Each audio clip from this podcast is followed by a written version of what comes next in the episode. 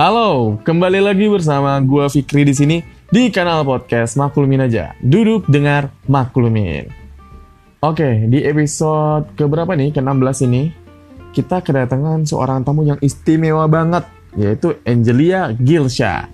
Tapi sebelum itu, gue mau uh, menceritakan sedikit terkait apa yang gue lihat di sosial media akhir-akhir ini.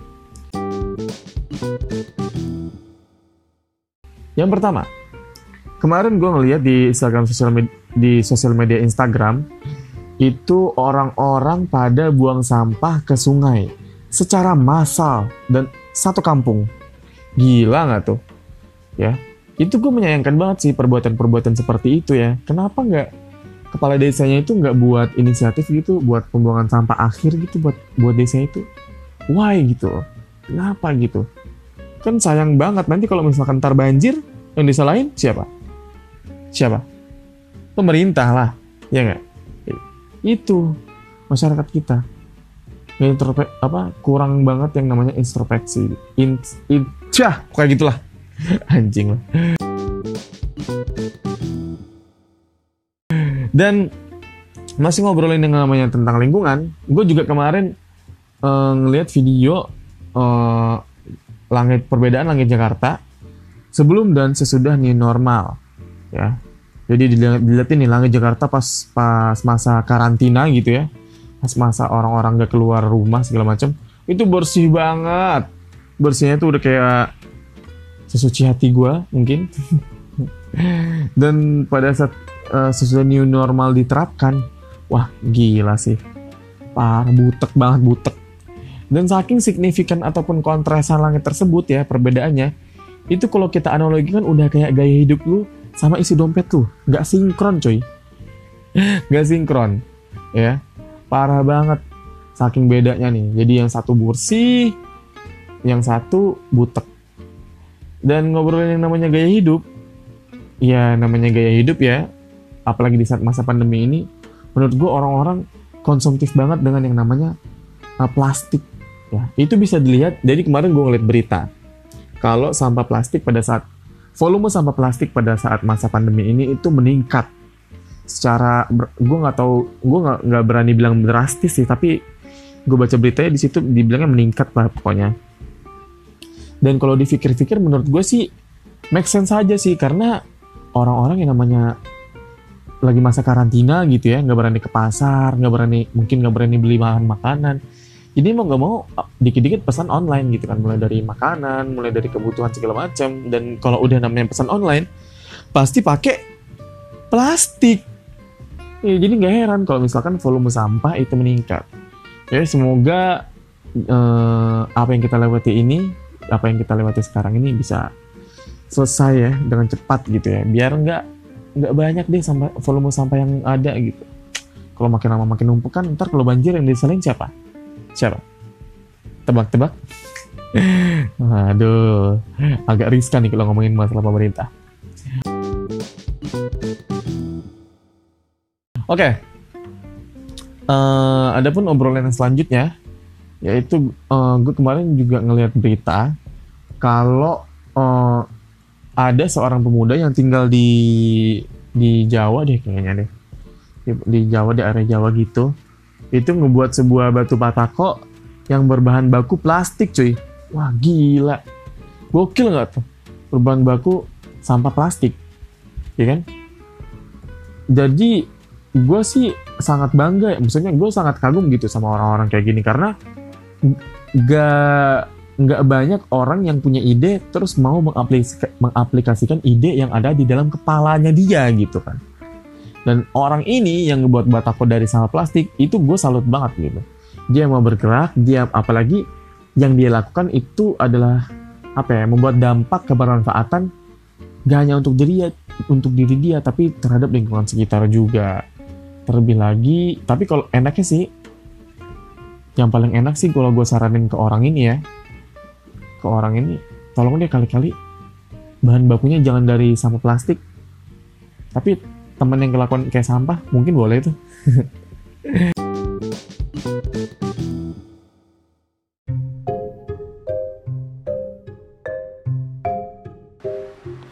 Oke, itu udah tadi ya berbagai hal yang udah gue apa ya, yang gue lihat lah akhir-akhir ini di sosial media. Dan semoga apa yang gue apa ya, apa yang gue sampaikan ya semoga bermanfaat lah ya. Bisa udah kayak ceramah. ya, sekarang langsung aja kita lanjut ke sesi cerita ataupun apa ya gue nggak bilang ini sesi cerita tapi tapi uh, apa sesi share apa sharing lah gitu ya. Yang akan disampaikan oleh uh, Angela Gilsha.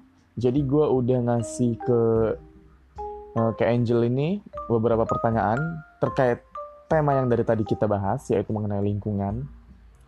Uh, dan juga uh, karena Kak Angela Gilsha ini adalah seorang salah satu public figure yang uh, apa ya lumayan aware atau aware banget terhadap permasalahan lingkungan seperti ini. Jadinya gue uh, minta ke apa ya ke dia untuk menjawab berbagai pertanyaan yang mungkin sekiranya uh, relate dengan pembahasan kita sekarang. Oh ya by the way dia juga orangnya tuh suka banget yang namanya koleksi tanaman. Nah jadi buat lu pada yang mungkin uh, apa ya seneng gitu dengan hal-hal dengan hal-hal yang berbau hijau-hijau di rumah, nah, boleh dia langsung dengerin. Langsung aja ya. Ini dia Angelia Gilsha.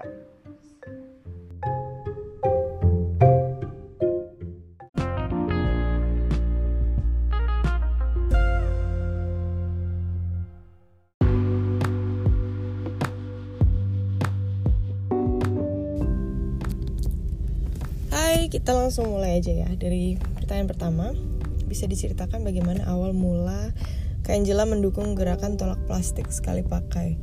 Um, jadi aku kan lahir besar di Bali dan dari kecil juga aku udah dibiasakan main sama alam, main di pantai, terus main di um, pokoknya aku banyak main di alam deh, main di luar dibanding main di rumah dan apa ya semakin besar semakin ke sini. Dulu kan pantai-pantai di Bali kan masih bersih banget nggak ada sampah. Nah semakin ke sini um, apalagi semenjak aku pindah ke Jakarta dan setiap aku balik lagi pulang ke Bali pantainya itu hancur. Pasti ada aja sampah ada aja um, pokoknya aku surfing aku sempet surfing waktu itu yang nyangkut nyangkut di kaki itu plastiknya mie terus pokoknya banyak banget plastik yang bertebaran di pantai di laut itu yang buat aku sedih dan pada akhirnya um, aku mulai apa mulai menerapkan um, apa uh, tolak plastik sekali pakai gitu. Jadi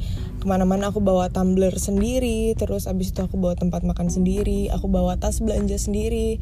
Sekarang aku bener-bener udah mengurangi uh, makanan dan minuman berkemas. Jadi dan apa ya aku ngerasa sebagai um, public figure dengan followers yang lumayan banyak aku ada maksud eh, di balik ini. Jadi aku harus mengingatkan followers followers aku fans fans aku untuk um, menjaga lingkungan juga terutama dengan cara tolak plastik sekali pakai. Karena plastik sekali pakai itu bener-bener ngerusak banget. Jadi kita beli misalnya beli air di di minimarket terus kita minum habis itu langsung buang kan? Jadi bener-bener cuman dipakainya beberapa detik doang dan itu tuh sayang banget. Dan um, dengan followers sebanyak itu aku mau mengedukasi followers followers aku dan fans fans aku untuk tolak plastik sekali pakai gitu. Terus abis itu yang kedua dari sekian banyak hobi, mengapa Angel tertarik untuk mengoleksi tanaman dan sejak kapan? Sebenarnya dari zaman aku sekolah, aku udah seneng banget sama tanaman. Pokoknya aku seneng banget deh lihat tumbuhan. Bentar, bentar. Yuk. Uh, udah dandan sih. Itu rambut kayaknya pesta. Iya, iya, bentar. Aku rekam ini dulu bentar. Oke, okay, sorry um, aku sebenarnya dari dulu tuh su udah suka banget sama tanaman dan aku baru bisa melihara tanaman itu sekarang karena dulu aku masih tinggal sama orang tua semuanya masih serba terbatas. Terus gimana sih kalau misalnya tinggal sama orang tua kan pasti semua serba dibatasi eh, nggak e, boleh beli ini nggak boleh beli itu ntar gini ntar gitu. Nah sekarang semenjak aku tinggal sendiri apalagi dengan aku ngontrak rumah sendiri walaupun bukan rumah aku sendiri cuman apa ya aku ngelihat garden yang kosong melompong itu gemes banget pengen pengen isi sama tanaman. Jadi dari beli satu beli dua beli tiga dan akhirnya um, aku beli sampai banyak banget sekarang. Aku sempat hitung kemarin di rumah aku udah ada 90-an spesies jenis tanaman. Dan apa ya rasanya kayak pengen lagi pengen lagi pengen lagi karena ada kepuasan tersendiri ngerawat mereka ngelihat mereka tumbuh setiap harinya. Apalagi kalau misalnya mereka tumbuh tunas baru itu aku rasanya ada sen rasa seneng banget. Kayak rasanya tuh berhasil bisa melihara mereka dengan baik. Dan apa ya dan tanaman-tanaman yang susah diurus terus kadang sampai udah mau mati itu aku benar-benar mem bisa memperjuangkan mereka sampai mereka bisa tumbuh tunas lagi dan hidup lagi. Jadi gimana ya ada kepuasan bisa memperjuangkan tanaman-tanaman yang udah mau mati sampai akhirnya mereka bisa jadi bagus lagi gitu. Um, pada akhirnya jadi hobi yang benar-benar addicting dan it's really refreshing. Jadi semenjak aku pelihara tanaman aku benar-benar udah nggak pernah ngerasain yang namanya stres. Jadi aku pulang syuting aku lihat tanaman aku cek mereka satu-satu. Bahkan aku sebelum berangkat kerja juga aku cek mereka satu-satu dan it makes me really happy. Jadi abis aku ngecek tanaman satu-satu aku urus mereka aku berangkat kerja itu um, pokoknya pikiran aku tuh bawaannya happy aja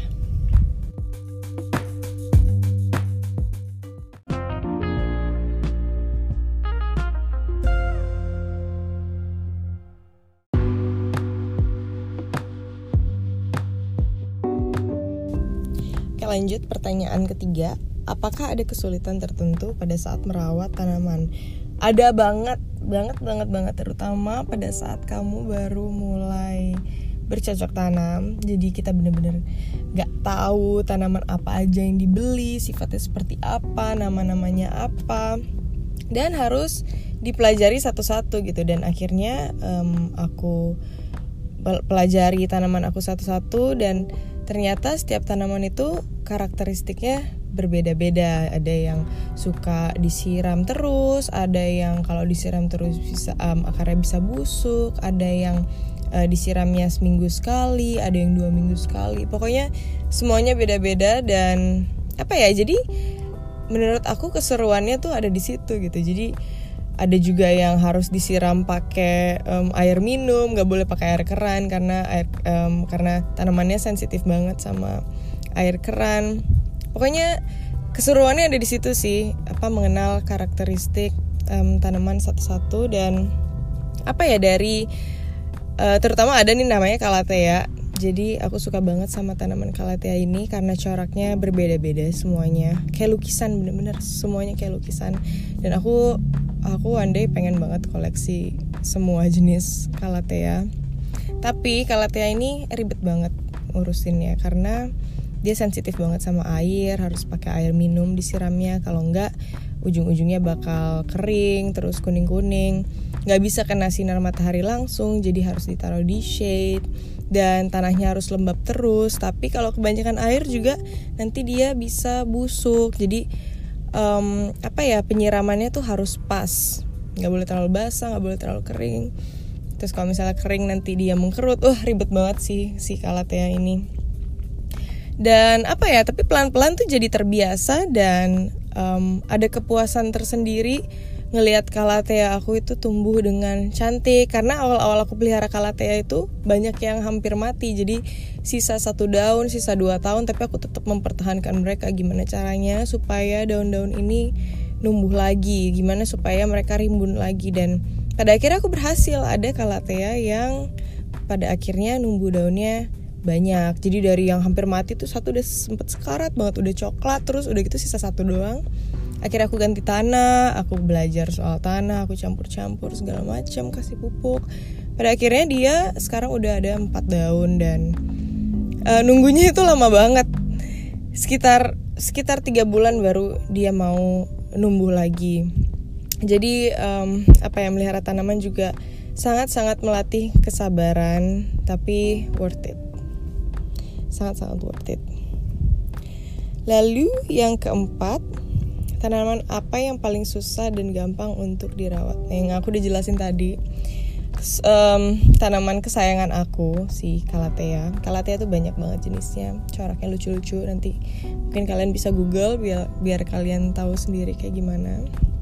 Itu ribet banget sih ngerawatnya. Jadi Iya kayak yang aku bilang sebelumnya kalau kekurangan air dia bisa mengkerut, kalau kelebihan air dia bisa layu, terus akarnya busuk. Jadi harus ekstra hati-hati merawat si kalatea ribet ini. Tapi cantik, jadi nggak tega gitu buat em, apa ngelihat kalatea itu mati pelan-pelan. Terus abis itu nomor 6 apakah akan ada goals atau mimpi yang ingin tuju yang berhubungan dengan hobi kakak sekarang ini. Em, apa ya? Aku pengen banget. Oh sekarang nih aku kan lagi belajar hidroponik juga. Jadi karena kemarin em, lockdown di rumah nggak ngapa-ngapain, aku mau cari hobi-hobi baru yang berguna.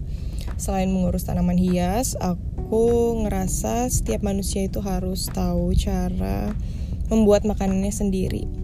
Jadi dimulai dari hidroponik yang menurut aku mungkin paling gampang. Emang awal-awal ribet karena hidroponik itu harus pakai AB mix, itu nutrisinya. Dan jumlah nutrisinya juga harus pas. Jadi ada alatnya namanya eh, TDS meter. Jadi di situ kita ukur nutrisinya harus berapa ppm karena sawi, pokcoy, setiap tanaman itu eh, setiap sayur tuh beda-beda em, kadar harus maksudnya kadar nutrisi yang harus masuk ke dalam tanaman itu beda-beda dan ada tabelnya. Jadi waktu awal aku coba nanam pokcoy untuk pertama kali sebulan tuh dia nggak numbu-numbu. Wah kenapa nih nggak numbu-numbu? Cuman segitu-segitu doang.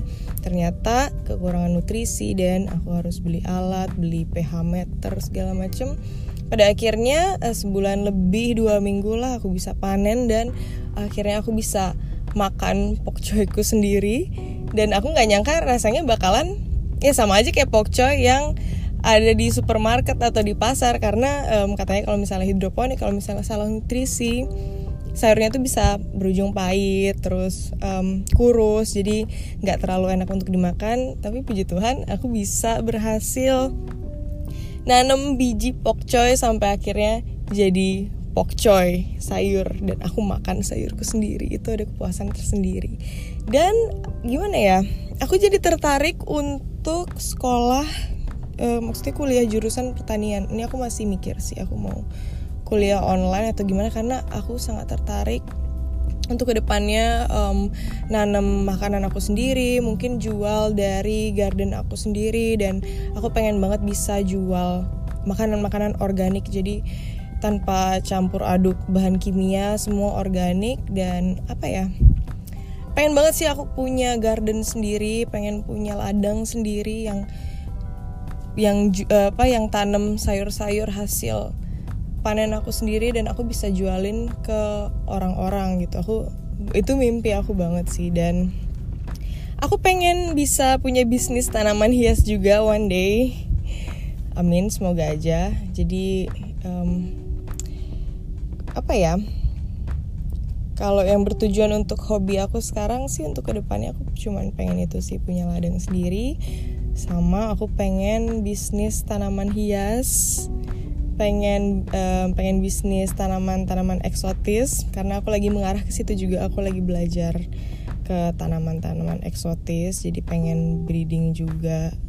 Ya pelan-pelan belajar lah sambil aku syuting sambil belajar soal ini juga masih bisa dibagi waktu soalnya. Kan kalau misalnya aku syuting tuh banyak waktu nunggu. Aku bisa lihat YouTube aku bisa baca-baca. Jadi waktu aku nunggu di lokasi juga berguna um, untuk pengetahuan-pengetahuan baru. Gitu. Terus abis itu yang ketujuh apakah ada pesan yang ingin kakak sampaikan kepada Messi masih Messi Indonesia terkait kepekaan kebetul- kepedulian terhadap lingkungan atau alam sekitar. Jadi em, kalian harus ya setiap setiap na- setiap manusia itu harus tahu kalau alam lingkungan itu cuman cuman ini tempat tinggal kita dan sumber daya alam kita juga itu yang kita butuhkan sandang, pangan, papan, makanan, air, oksigen itu semuanya berasal dari alam berasal dari lingkungan sekitar kita. Jadi ya ya harus memang harus dijaga dan semua orang harus tahu hal ini semua harus dijaga. Jadi apalagi masalah terutama kita sekarang adalah sampah kan di mana mana sampah di mana mana sampah. Jadi mulai dari hal kecil lah kita nggak perlu ngelakuin langsung hal besar gitu kampanye gede-gedean. Uh, menurut aku nggak perlu. Kalau misalnya ada duit buat ngelakuin kampanye gitu-gitu oke okay lah. Cuman um, dari masing-masing orang aja dari hal kecil uh, yang kita bisa lakukan untuk bumi ini apa? Misalnya uh, tolak plastik sekali pakai. Tolak plastik sekali pakai itu udah pasti. Terus abis itu ya kurangi plastik kurangi penggunaan sampah terus mulai belajar kompos di rumah untuk mengurangi um, apa sampah rumah tangga yang berujung ke TPA maksudnya tempat pembuangan akhir. Terus abis itu um, apa ya? Pokoknya banyak deh hal-hal kecil yang bisa dilakukan setiap orang. Dan aku pasti terapkan itu juga di Instagram aku. Karena um, aku ngerasa dengan followers 2 eman aku punya tujuan untuk bisa menginfluence orang-orang untuk bisa menjaga lingkungan kita. Dan mereka dan menyadarkan mereka kalau tempat tinggal kita ini cuman bumi dan ya kita nggak punya tempat lain untuk ditinggal jadi kita harus benar-benar jaga tempat tinggal kita, rumah kita, uh, rumah tempat tinggal kita yaitu bumi. Intinya gitu aja sih. Mulai mulai apa harus mulai uh, dari hal kecil. Tapi dengan aku bercocok tanam juga gimana ya? Aku nggak bakal expect followers aku bakal ngikutin aku se bakal banyak banget yang ngikutin aku untuk bercocok tanam juga. Setiap hari tuh ada aja yang mention aku kak terima kasih karena kakakku jadi suka bercocok tanam aku jadi suka nanam gini. And apa ya um, aku seneng aja gitu ngelihat mereka yang awalnya nggak sadar dengan adanya tanaman atau mereka biasa aja sebelumnya ngelihat daun tapi akhirnya mereka jadi sayang uh, akhirnya mereka jadi suka lihat bunga lihat daun segala macem. Dan aku seneng banget sih ngelihat um, apa perubahan dari orang-orang ini yang mereka sering banget mention aku di Instagram gitu Oke, okay, kayaknya itu aja ya sharingnya. Um, thank you so much.